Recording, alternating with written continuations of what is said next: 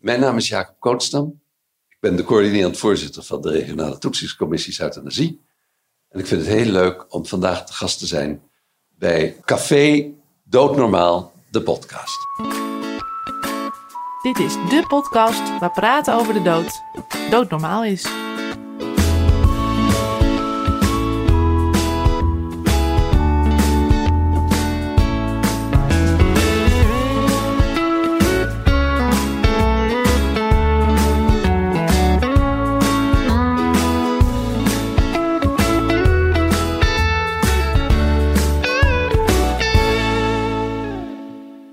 Vanuit een nog steeds leeg NVVE-kantoor heet ik u van harte welkom bij een nieuwe aflevering van Café Doodnormaal, de podcast. Mijn naam is Gerard Ekemans en tegenover mij zit co-presentator Sebastiaan Hattink. Welkom Sebastiaan. Dank je.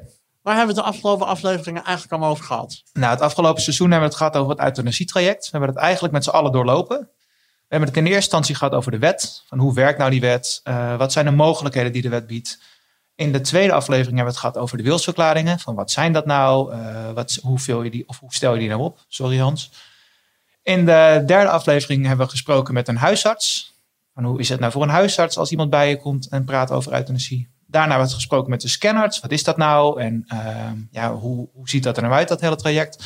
En we zijn nu uh, volgens mij aangekomen in de laatste stap. De euthanasie is uitgevoerd. En nu is er toetsing achteraf. Speciaal hiervoor is op gepaste afstand aangeschoven Jacob Koostan, voormalig coördinerend voorzitter van de regionale toetsingscommissies. En welkom Jacob. Dank, leuk. Nou, we noemden het eigenlijk al in de intro. Uh, we hebben met deze podcast de hele, het hele euthanasietraject doorlopen. En constant komt terug, er is een toetsingscommissie en die moet het wel uh, beoordelen. Kan jij ons eens kort uitleggen hoe dat werkt? Want stel, er is euthanasie uitgevoerd en dan? Dan moet de dokter bij de GGD een arts waarschuwen en zeggen: Dit was een niet-natuurlijke dood. En dan moet de arts een verslag doen, melding doen en helemaal invullen van waarom deze arts dacht dat het in dit geval kon. En op welke wijze deze arts tot de overtuiging heeft kunnen komen dat aan de zorgvuldigheidseisen is voldaan. Dat gaat naar de GGD. En dan gaat het hele handeltje naar de RTE's toe.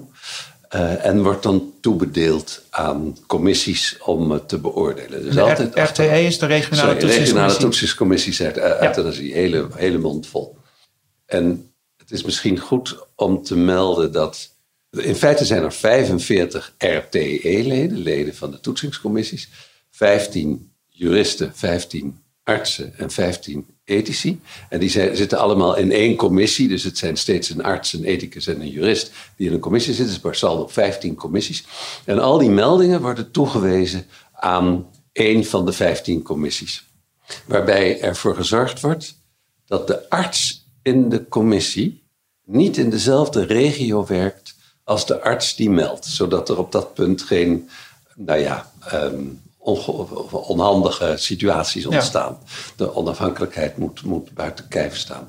En binnen de RTE hebben we sinds een aantal jaren nu afgesproken, de zaken, de meldingen worden altijd goed bekeken door senior juristen en, en onze medewerkers. En we hebben een indeling in niet vragen oproepende meldingen en vragen oproepende meldingen.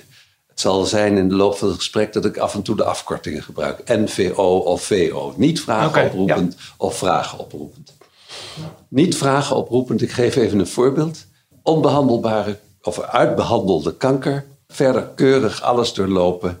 Eigenlijk geen enkele vraag over. We moeten er ondertussen naar kijken. Die NVO's, niet vragen oproepende meldingen, gaan via intranet naar, de, naar drie leden toe, zoals gezegd, een arts, een ethicus en een jurist. En die beoordelen het digitaal. Maar het kan ook zijn dat de, dat de jurist een fout heeft gemaakt. En dat dit, deze commissieleden zeggen: ja, maar dit is wel degelijk vragen oproepend. Was er nou sprake van uitzichtloos en ondraaglijk lijden? Was er wel vrijwilligheid? Is de euthanasie medisch verantwoord uh, ten uitvoer gelegd? En dan wordt het alsnog een vragen oproepend. Het kan zijn dat de jurist, juristen van de medewerkers van oorsprong aan zeggen: dit was een vragen oproepende melding. En dan gaan de vraagoproepende melding naar een commissievergadering waar de leden bij elkaar komen. Dus niet meer via intranet. En dan zijn ze allemaal bij elkaar. Dat zijn, nee, dan zijn de drie leden bij elkaar. ja. En ik heb bijvoorbeeld vlak voor mijn eh, aftreden nog een zware commissievergadering gehad met tien eh, ingewikkelde meldingen. Eigenlijk bijna allemaal psychiatrische aandoeningen. Die zijn natuurlijk altijd ingewikkelder dan eh, uitbehandelde kanker, om het zo maar te zeggen, onbehandelbare kanker. Dat is iets simpeler, ook voor de arts trouwens. Maar überhaupt eh, aan de zorgvuldigheidseisen voldoen in een psychiatrische casus is iets ingewikkelder dan in, veel somatische situaties. En dan bespreken we dat met z'n drieën en kunnen dan ook besluiten dat we een arts vragen om nader uitleg te komen geven op zo'n vergadering. Dat nu is voor een arts vaak buitengewoon spanningsvol. Ja. Uh, want dan, dan vinden we dus dat er ergens uitleg gegeven moet worden. En het is niet die, dat de duimen meteen omhoog zijn gegaan. Uitnodiging betekent niet dat de duimen meteen naar beneden zijn gegaan. Maar betekent wel dat we graag met de arts nader willen overleggen. Gewoon nadere informatie willen krijgen. En in 9 van de 10, zelfs 99 van de 100 gevallen waarin we een arts uitnodigen, gaan de duimen, uiteindelijk wel weer omhoog. Maar het is voor een arts uh, uh, buitengewoon spanningsvol en, en, tijdrovend. Want je moet naar die commissie gaan en je moet je praktijk even neerleggen. Het is, uh, we weten heel goed wat we de artsen aandoen. Maar ja, dit is wel de opdracht die we van de wetgever zo hebben meegekregen. En in het geval dat wij in zo'n vergadering tot de conclusie komen. We hebben er fors discussie over onderling. We denken wel dat het zorgvuldig is, of we denken wel dat het onzorgvuldig is, maar er zitten elementen in die nieuw zijn. Is die wilsverklaring nou wel helder genoeg? Of is dat kwestieus? Uh, is de, de wijze waarop de euthanasie is uitgevoerd conform de richtlijn van de Koninklijke Nederlandse Maatschappij voor Geneeskunst of niet? Dan kunnen we in ingewikkelde zaken, die dus vragen oproepend zijn, de melding op ons intranet zetten. En dan kunnen alle 45 leden meekijken in die casus en ook meekijken naar het voorgenomen oordeel, zoals de commissie dat zou willen afgeven, en zoals het ook gemotiveerd op het intranet komt te staan, zodat ons alle 45 leden naar kunnen kijken. Al die adviezen van die 45 leden, niet iedereen doet altijd mee, maar het zijn er over het algemeen 10 tot 15 leden die in de pen klimmen, in het toetsenbord klimmen en, en uh, op- en aanmerkingen maken. En dat gaat weer naar die commissie. Die commissie is verder onafhankelijk en kan dus besluiten wat ze besluiten wil, maar wel gehoord uh, de, de inbreng van alle anderen. Dan is het nog een keer nog ingewikkelder. En dan hebben we een reflectiekamer. Twee senior juristen van ons, twee senior ethici, twee senior artsen die al in hun herbenoemingsperiode zitten, dus al vier jaar of langer lid zijn. Als er nou een hele grote, ernstige vraag is, waar de commissie ook van zegt van ja, dit is voor ons nieuw. We hebben wel een gevoel erover hoe we het moeten beantwoorden, maar laten we nou eens kijken of er nog wat mensen opnieuw naar kunnen kijken die er al langer met, met, met het bijltje hakken en ons adviseren over een hele specifieke vraag. Dat komt één of twee keer per jaar voor. Per jaar nog even worden nu gemiddeld 35 artsen op gesprek gevraagd. En uh, nieuws het afgelopen jaar 7000 meldingen, twee onzorgvuldig. Dus um, ik begrijp dat artsen het heel vervelend vinden als ze opgeroepen worden. Vind het ook altijd spanningsvol om te weten wat, wat maken jullie ervan, ook bij niet vragen oproepende zaken. Uh, willen we zo snel mogelijk proberen de arts te laten weten wat we ervan vonden. Um, maar uh, er gaat niet vaak iets mis. Hoe lang duurt zo'n zo'n proces eigenlijk? Zowel de casus die, die meteen duidelijk is, als die wat meer uitleg vragen? Gemiddeld gesproken, nu in het afgelopen jaar en het jaar daarvoor, tussen het moment dat wij de melding binnenkrijgen van de GGD, het kan zijn dat daar ook nog een tijd tussen zit, de euthanasie die verleend is aan de ene kant en de GGD die, die het spul naar ons doorstuurt. Maar wij kunnen alleen maar zien, GGD stuurt het aan ons door en hoe lang doen we dat dan over? De wet zegt, het moet binnen 42 dagen. Uh, wij gemiddeld, we zitten op 39 dagen gemiddeld de afgelopen twee jaar. We doen ontzettend ons best om het sneller te doen. En eigenlijk moet je zien dat als een zaak naar de reflectiekamer gaat, ja, dan ben je gauw drie, vier maanden langer bezig dan bij een ja, uh, uitbehandelde uh, kanker waar het een NVO niet vragenoproepend was en waar het digitaal, en dan kan het ook in, in 10, 15 dagen gebeurd zijn. Um, maar de leden moeten er wel naar kijken en moeten dus ook tijd maken en vinden om er naar te kijken. Ieder lid doet, er, doet ongeveer 10 niet vragenoproepende uh, meldingen digitaal per week. Nou, je bent ja, met, met mijn ervaring langzamerhand gaat het iets sneller dan bij nieuwe mensen. Het hele dossier, soms zijn het echt dikke, dikke pakken papier, die je, of uh, het internet, maar in ieder geval ingeleverd als papier. Je bent toch makkelijk, uh, voor een niet-vraag oproepende, makkelijk 10, 15 minuten bezig. Maar zie je, als je, om het eigenlijk zo te zeggen, als je ziet, het is een 95-jarige en het was totaal uitbehandelde kanker. En er is een hele zorgvuldige scanarts geweest. Dan, dan ga je niet het hele medische dossier nog eens helemaal napluizen. Want de artsen zitten niet leugenachtig in, in te melden. Ik bedoel, ze melden naar eer en geweten. Dus als je dit ziet en je kijkt naar het scanverslag en je kijkt naar de melding, overigens zijn 23 of 25 vragen die je doorloopt, dan ben je na 10 of 15 minuten heb je wel het gevoel van, nou, dit zit wel in orde. Maar er zijn VO, vraagoproepende zaken. Dat zijn echt, nou ja, soms 15, 20 centimeter papier, dubbelzijdig. Uh, en met name uh, expertisecentrum euthanasiezaken, dat zijn natuurlijk de ingewikkeldste zaken veelal. Dat zijn hele dikke uh, dossiers en veelal heel zorgvuldig bekeken en samengesteld. Um, maar dan ben, je, dan, dan ben je makkelijk drie kwartier of een uur per, per uh, vraagoproepende zaak bezig. En schertsend heb ik wel eens gezegd, ik vind dat in onze arbeidsvoorwaarden we ook af en toe wat wijn moeten krijgen. Want de zaken zijn zo ontzettend zwaar. Of dat je mensen de gelegenheid moeten bieden om een hond te nemen. Zodat je na één of twee van die zaken. Nou, dan tril ik soms hoor.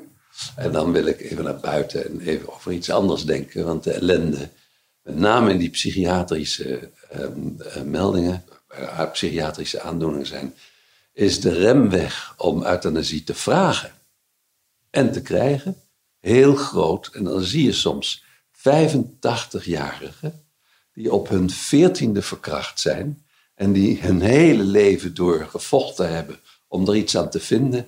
En dan neemt de, zoals je ook bij oorlogsslachtoffers ziet, de, de, het geheugen komt terug en terug en terug en je bent niet meer in staat om het te onderdrukken. En dan zeg je, dit is uitzichtloos en ondraaglijk. Um, en, en dan heb je dus uh, makkelijk 60, 70 jaar geleden. Nou ja, als je dat leest, dat gaat niet in je koude kleren zitten. Nee, dat kan me heel goed voorstellen. En hoe neem je daar dan toch afstand van? Dat, dat lijkt me noodzakelijk, want anders neem je ja, alles mee uh, ja de slaap in, zou ik maar zeggen. Nou ja, dat gebeurt ook wel. De, de, en er zijn ook natuurlijk andere casusposities waarbij je alleen maar denkt, wat zegenrijk dat we die wet hebben. En dat aan dit lijden, aan dit ondraaglijke lijden, een arts desgevraagd uh, euthanasie heeft verleend, is verleend. Zoals ik zei, die laatste commissievergadering, het vragen oppropende zaken, tien in totaal. Allemaal psychiatrische casussen en twee huisartsen. De rest EE-artsen. En ik maak er geen geheim van dat we dan echt bijna juichend rond de tafel zitten. Wat dapper. Dat een huisarts, eigen patiënt meestal, bijna, dat is natuurlijk altijd een eigen patiënt, die, die de patiënt langdurig heeft begeleid. En een psychiatrische aandoening is voor een arts daarom lastig, omdat je weet dat als je het niet doet, kan het ondraaglijk lijden eindeloos duren, maar het leven ook. Dus je beëindigt hier een leven wat nog 15, 15, 20 jaar zou kunnen duren. Dat is voor een arts lastig. Nog afgezien van het feit dat de psychiatrische diagnostiek veel minder precies is dan de somatische diagnostiek. Dus dat je ook dan met de tweede psychiater die geraadpleegd moet worden. Liefst ook een psychiater-scanarts geraadpleegd moet worden. geconsulteerd moet worden, dat het, dat het, dat het ingewikkelde casusposities zijn.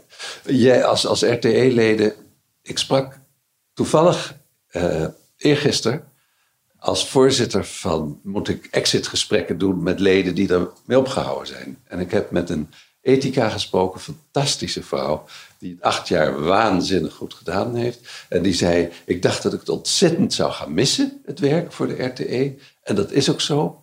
Maar ik voel me wel veel lichter, want ik word niet tien keer per week geconfronteerd met ondraaglijk lijden. Dus wie weet, ik ben nu pas sinds 1 februari weer een vrije man. Ga ik uh, juichend door de straten straks uh, lopen. Mooi vooruitzicht. Mooi vooruitzicht. Ja.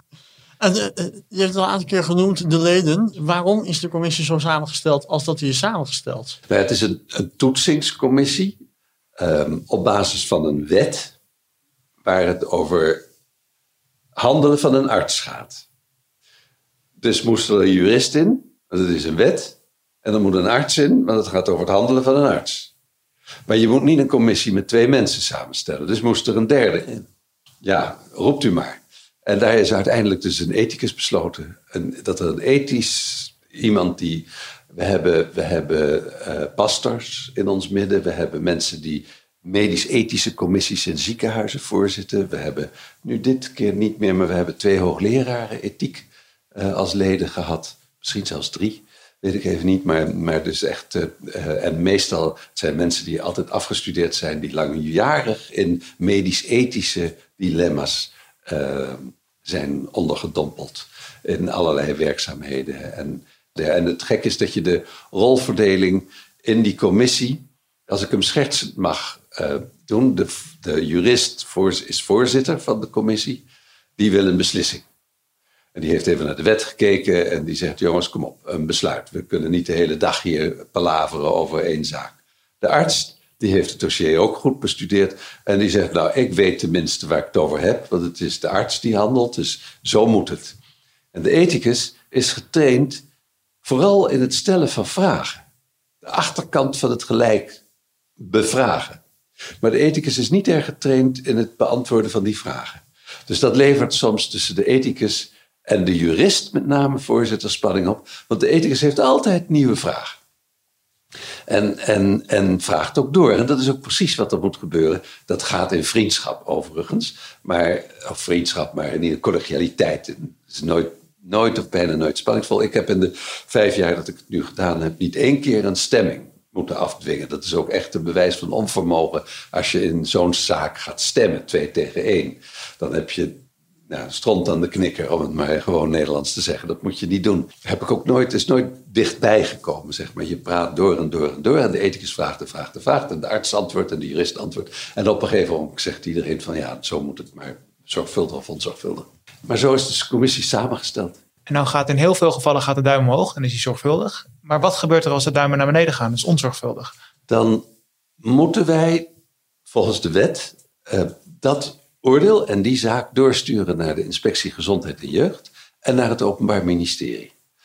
Dat zijn gek genoeg drie brillen die er dus naar kijken. Eerst wij met de bril wet, toetsing, levensbeëindigend handelen.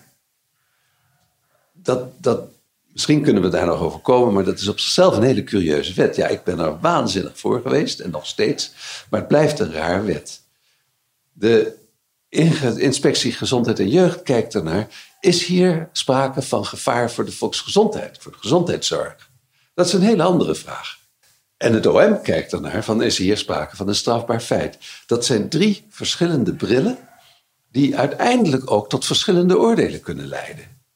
Uh, dat is heel echt lullig voor artsen, die weten dan niet waar moeten we ons aan houden, is ook vervelend voor patiënten die zich het lot van artsen aantrekken en willen weten, kan het wel, kan het niet.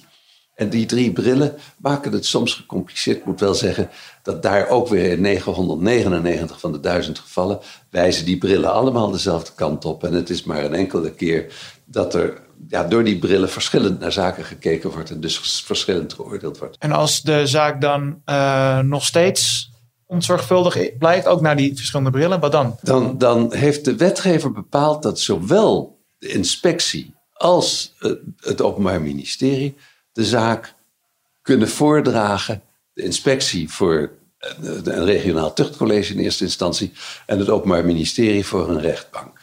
En dus dan kunnen er twee zaken tegelijkertijd lopen tegen één en dezelfde arts over één en dezelfde zaak, omdat de inspectie zegt: hier is gevaar voor de gezondheid, voor de, voor de, voor de, geneeskunst, om het zo maar te zeggen.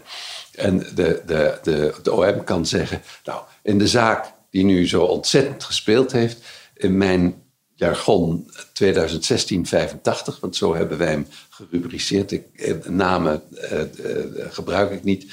De desbetreffende arts is uitvoerig in de publiciteit dus ik zou het kunnen doen, maar ik blijf maar mijn eigen gekte volgen. privacy is toch een belangrijk punt. Ehm, dus 2016-85, koffie-euthanasie wordt die ook wel genoemd. Ehm, daar is de arts zowel voor de tuchtrechter geweest als voor de strafrechter. Ja, dat is voor die arts een, een waanzinnig uh, vervelende tijd geweest, om niet te zeggen dramatische ontwikkeling geweest. En, maar ja, dat heeft de wetgever wel zo bepaald dat het kan. En, en dat gebeurt, dat is sinds 2002, de wet is van 2002, is het maar één keer gebeurd dat een arts zowel bij het tuchtcollege als bij de strafrechter is geweest. En het is twee of drie keer gebeurd dat een arts wel bij het tuchtcollege, maar niet bij de strafrechter is geweest. Maar wat wel gebeurt, is dat het Openbaar Ministerie. Kijk, wij kunnen een arts uitnodigen als toetsingscommissie en zeggen: er zijn een paar vragen. Dat melden we dan ook hoor. Precies de vragen weet de arts voordat de commissievergadering plaatsvindt, weet welke vragen er bij de commissie leefden. Wij, kunnen, wij mogen alleen de arts en de scanarts horen, maar niet de familie en niet andere verpleegkundigen of mensen die de patiënt of patiënten heel goed gekend hebben. Het Openbaar Ministerie kan op basis van onze oordeel zeggen: ja, wij gaan hier een strafrechtelijk onderzoek. Nou, ik denk dat Tim Visser misschien heeft al uitgelegd eh, hoe, dat, eh, hoe dat gaat. Maar dan kan dus dan kan iemand gehoord worden onder ede. De waarheid niets dan de waarheid. Uh, ik ben maar humanist, maar zo waarlijk helpt mij God almachtig. Zoiets van uh, de waarheid. En, en, en, en, als je de waarheid niet spreekt, kijk, een dokter kan, die, die, die, die krijgt te horen, u hoeft niet te antwoorden. Want in een strafzaak hoef je nooit mee te werken aan je veroordeling. Maar alle anderen moeten de waarheid spreken. Dat kunnen wij niet. En dan kan het zijn dat er situaties boven tafel komen die wij niet boven tafel konden krijgen, die ertoe leiden dat het OM zegt: het is helemaal niet onzorgvuldig. Het kan ook zijn dat het OM op basis van dat onderzoek zegt: ja, daar heeft de RTE echt gelijk in. En we vinden desalniettemin dat het geen pas heeft om de dokter te dagvaarden. Voor de rechter te halen. En dus seponeren we de zaken. Er zijn er twee soorten sepo's. De ene is we seponeren de zaak, dat is einde oefening. En het kan ook een voorwaardelijk sepo zijn. Als u het nog een keertje doet, dan gaat u er gloeiend bij dan bent u er gloeiend bij. Dat is het voorwaardelijk CIPO in gewoon Nederlands vertaald. Uh, uh, en, en bij de inspectie gezondheid en jeugd kan het zijn dat de inspectie het voor de tuchtcollege haalt. Dan kan er ook allerlei mensen gehoord worden, vinden er uitspraken plaats. En dan, uh, nou ja, zoals in de 2016-85-zaak, heeft het dus vier jaar geduurd voordat uiteindelijk de Hoge Raad gesproken heeft. En misschien als ik ingewikkeld, maar ik wil het er wel graag melden.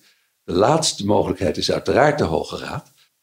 Ik heb blaren op mijn tong bepleit dat als er een nieuwe rechtsvraag komt, waar de arts ook ja, naar ere geweten heeft gehandeld, maar waarvan wij zeggen die nieuwe rechtsvraag, ik kom zo op de definitie van nieuwe rechtsvraag, is door de arts tenslotte.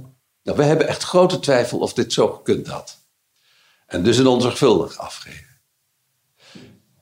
Is het dan logisch dat je een arts die met een nieuwe rechtsvraag werd geconfronteerd, waar de toetsingscommissie uiteindelijk van zegt, ja, helemaal deugen doet het niet, dat je die arts van strafbankje rechtbank, strafbankje hof, strafbankje hoge raad zult? En ik heb gevonden en vind, tot nu toe zonder succes, dat je in de wet een wijziging zou moeten aanbrengen, zodat als wij zeggen, dit is voor ons een nieuwe rechtsvraag, en dan is het a fortiori ook voor de arts een nieuwe rechtsvraag geweest, dan sturen we het naar het Openbaar Ministerie, of naar de IGJ, maar even het Openbaar Ministerie als centraal orgaan nemen. En zeggen: Dit is voor ons ook een nieuwe rechtsvraag. En dan zou je na een strafrechtelijk onderzoek, waar je mensen onder Ede hoort, cassatie in het belang der wet in kunnen stellen bij de Hoge Raad, zonder dat je de arts naar het strafbankje rechtbank zult. Want het is een nieuwe rechtsvraag en nieuwe rechtsvragen worden uiteindelijk door hetzij de wetgever, hetzij de Hoge Raad beantwoord. En ik vind niet dat het passend is om, een, om rechtsvinding te doen plaatsvinden ten nadele van dag- en nachtrust van een arts voor jaren. Maar goed, dat pleidooi is tot nu toe nog niet, ehm, het heeft tot nu toe nog niet tot wetswijziging geleid. Ehm, ik, ik zal het blijven bepleiten. En maakt het het nou niet makkelijker als je de toetsing vooraf doet? Dus niet, ik snap, een van de zorgvuldigheidseisen is de zorgvuldige uitvoering. Ja, dat is wat lastig vooraf. Maar de rest zou je toch best vooraf kunnen toetsen. Ik ben daar rabiaat tegenstander van. En waarom? Ehm, om te beginnen, de wetgever heeft bepaald dat het achteraf moet en niet vooraf. En Ja. ik ben een law-abiding toezichthouder, dus ik doe wat de wet zegt. Ja. Maar los daarvan, het is het bewijs van onvermogen van de geneeskunst. Zeker, in de wetsgeschiedenis heet euthanasie niet normaal medisch handelen. Tussen jullie en mij gezegd en gezwegen, dat is het inmiddels wel geworden. In 95 of 99 procent van de gevallen is het langzamerhand voor artsen. Het blijft altijd een remweg voor artsen. Je maakt iemand dood. Ik zeg altijd, dat is niet zo. Je beëindigt het ondraaglijk en uitzichtloos lijden. En dat is wat euthanasie is. Maar voor een arts is dat wel een, een, een emotioneel en, en moreel, ethisch, eh, eh, geneeskundig eh, dilemma. Je moet het bij de arts laten. Er is geen enkel medisch ingrepen, ingrijpen dat eerst bij een lullige jurist neergelegd wordt voordat het plaatsvindt. Het is geneeskunst. Het is kunst. En natuurlijk is het voor de arts prettig om een toetsing vooraf te krijgen.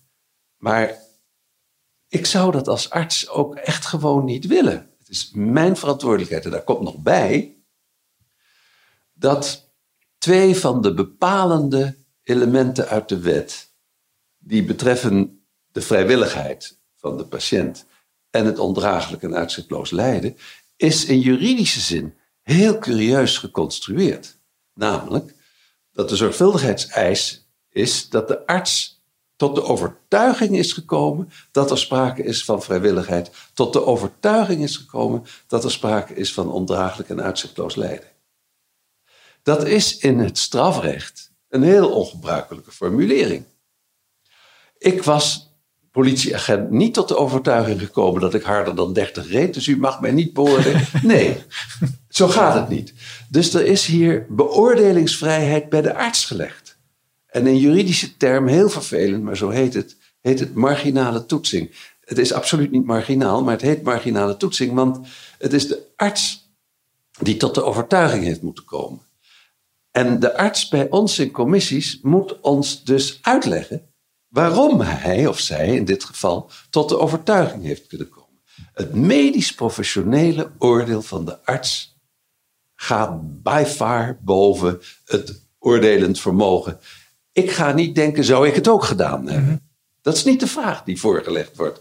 De vraag is, heeft deze arts in redelijkheid tot de overtuiging kunnen komen dat er sprake was van vrijwilligheid, dat er sprake was van ondraaglijk en uitzichtloos lijden?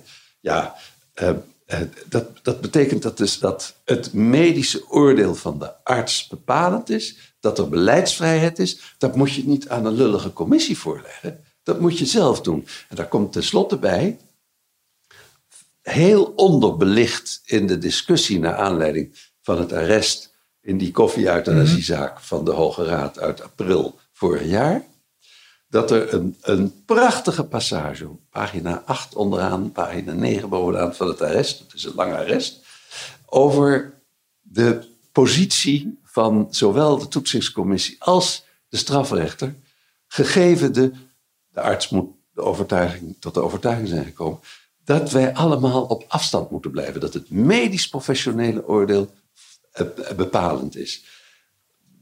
Ja, als er beleidsruimte is, moet je niet vragen dat een ander dan de geneeskunstenaar die beleidsvrijheid invult. Dus ik ben er echt. een- het is het bewijs van onvermogen van de arts als je dat zou doen, ik begrijp heel goed dat het prettig zou zijn, maar je moet het dan ook eventjes tegen de patiënten. En daar zitten we bij de NVVE in ieder geval voor.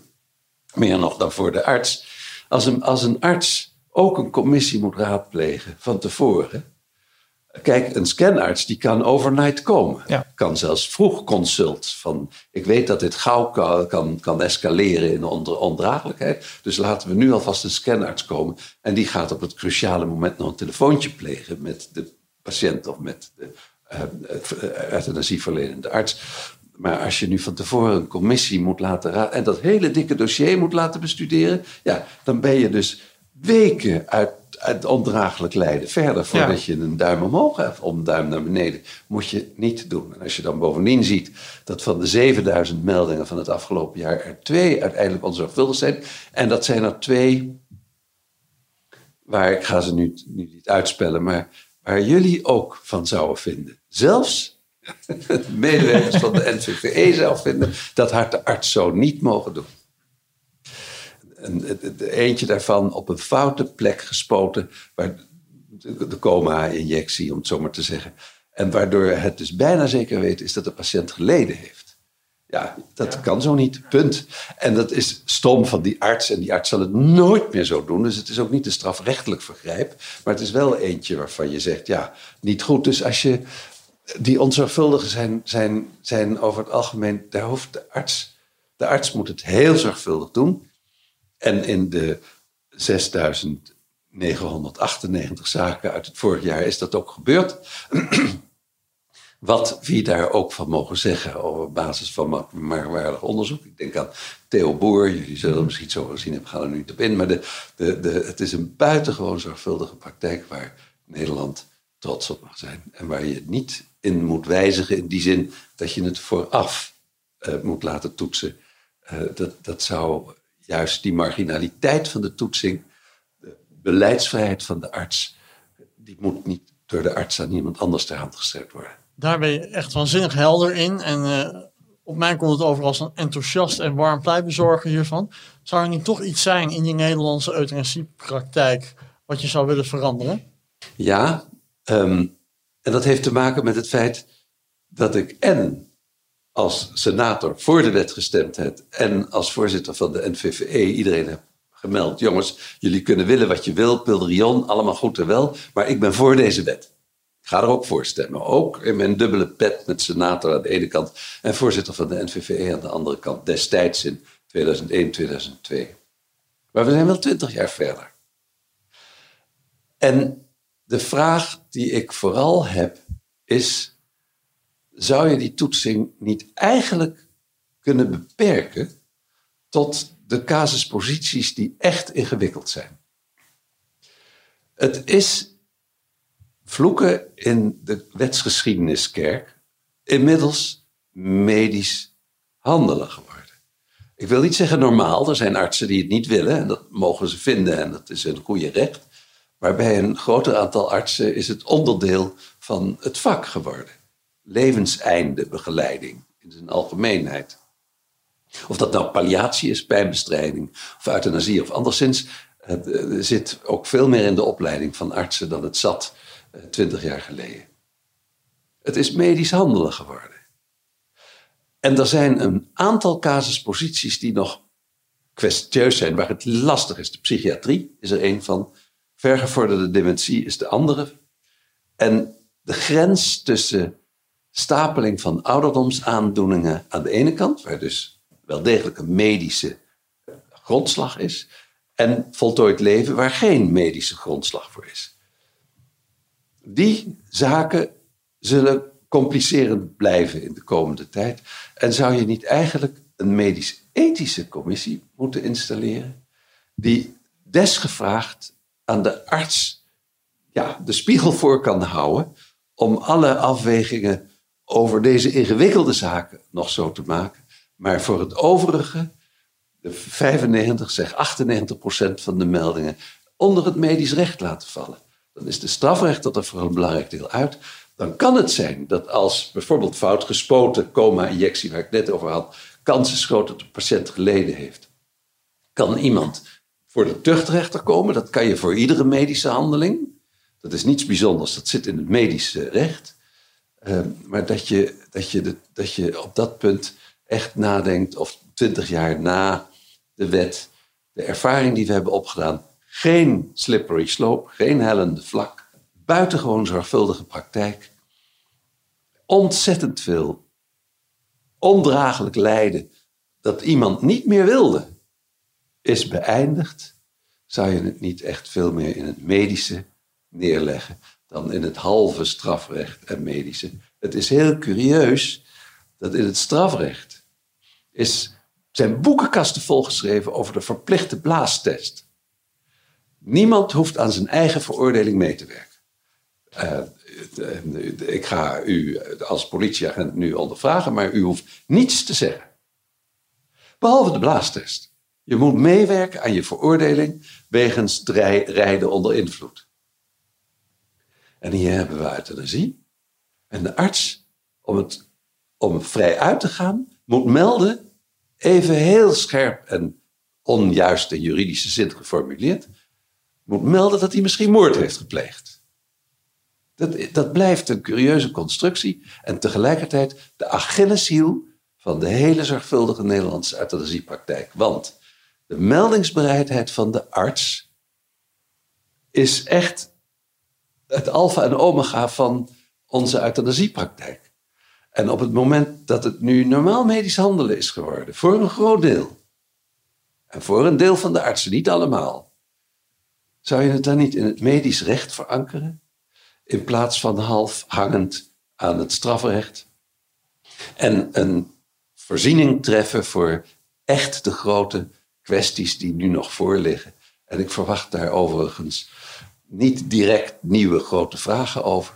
Maar daar zou ik van vinden, we moeten opnieuw nadenken over de vraag of de basis waarin we het waanzinnig goed geregeld hebben, niet door verloop van tijd iets anders ervoor moet staan. En dat betekent een toetsing, niet voor alle, maar wel voor de ingewikkelde zaken.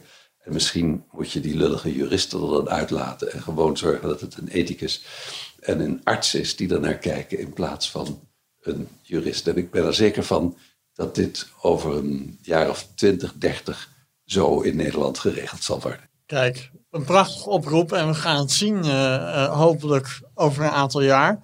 Uh, er is ontzettend veel waar we over door zouden willen praten, volgens mij. Ik wil ook eigenlijk voorstellen, kom een keer terug uh, in een volgend seizoen of in een extra aflevering, wie weet. Maar voor nu ga ik je ontzettend hartelijk bedanken voor je aanwezigheid hier. Bedankt voor het beantwoorden van onze vragen. En dus wellicht graag tot de volgende keer. Ja, en dank. En dit was het dan alweer voor deze aflevering van Café Doodnormaal, de podcast. Na deze aflevering hebben we alle stappen van het euthanasietraject doorlopen. Volgende keer hebben we dan ook een speciale aflevering. We gaan namelijk in gesprek met Jelke de Gooier. Jelke is de zus van Ilko de Gooier, die koos voor euthanasie vanwege psychisch lijden. Voor nu bedankt voor het luisteren en wil je nou geen aflevering missen, vergeet dan niet te abonneren. Dan krijg je automatisch een melding als er een nieuwe aflevering voor je klaar staat. Vond je het nou leuk om deze podcast te luisteren? Laat dan vooral ook een beoordeling achter. En mocht je nog vragen hebben naar aanleiding van deze podcast, dan kan je altijd mailen naar jongeren.nvve.nl. Jongeren.nvve.nl. En als laatste wil ik net als vorige keer de NVVE bedanken voor het mede mogelijk maken van deze podcast. En voor nu zeg ik graag tot volgende aflevering.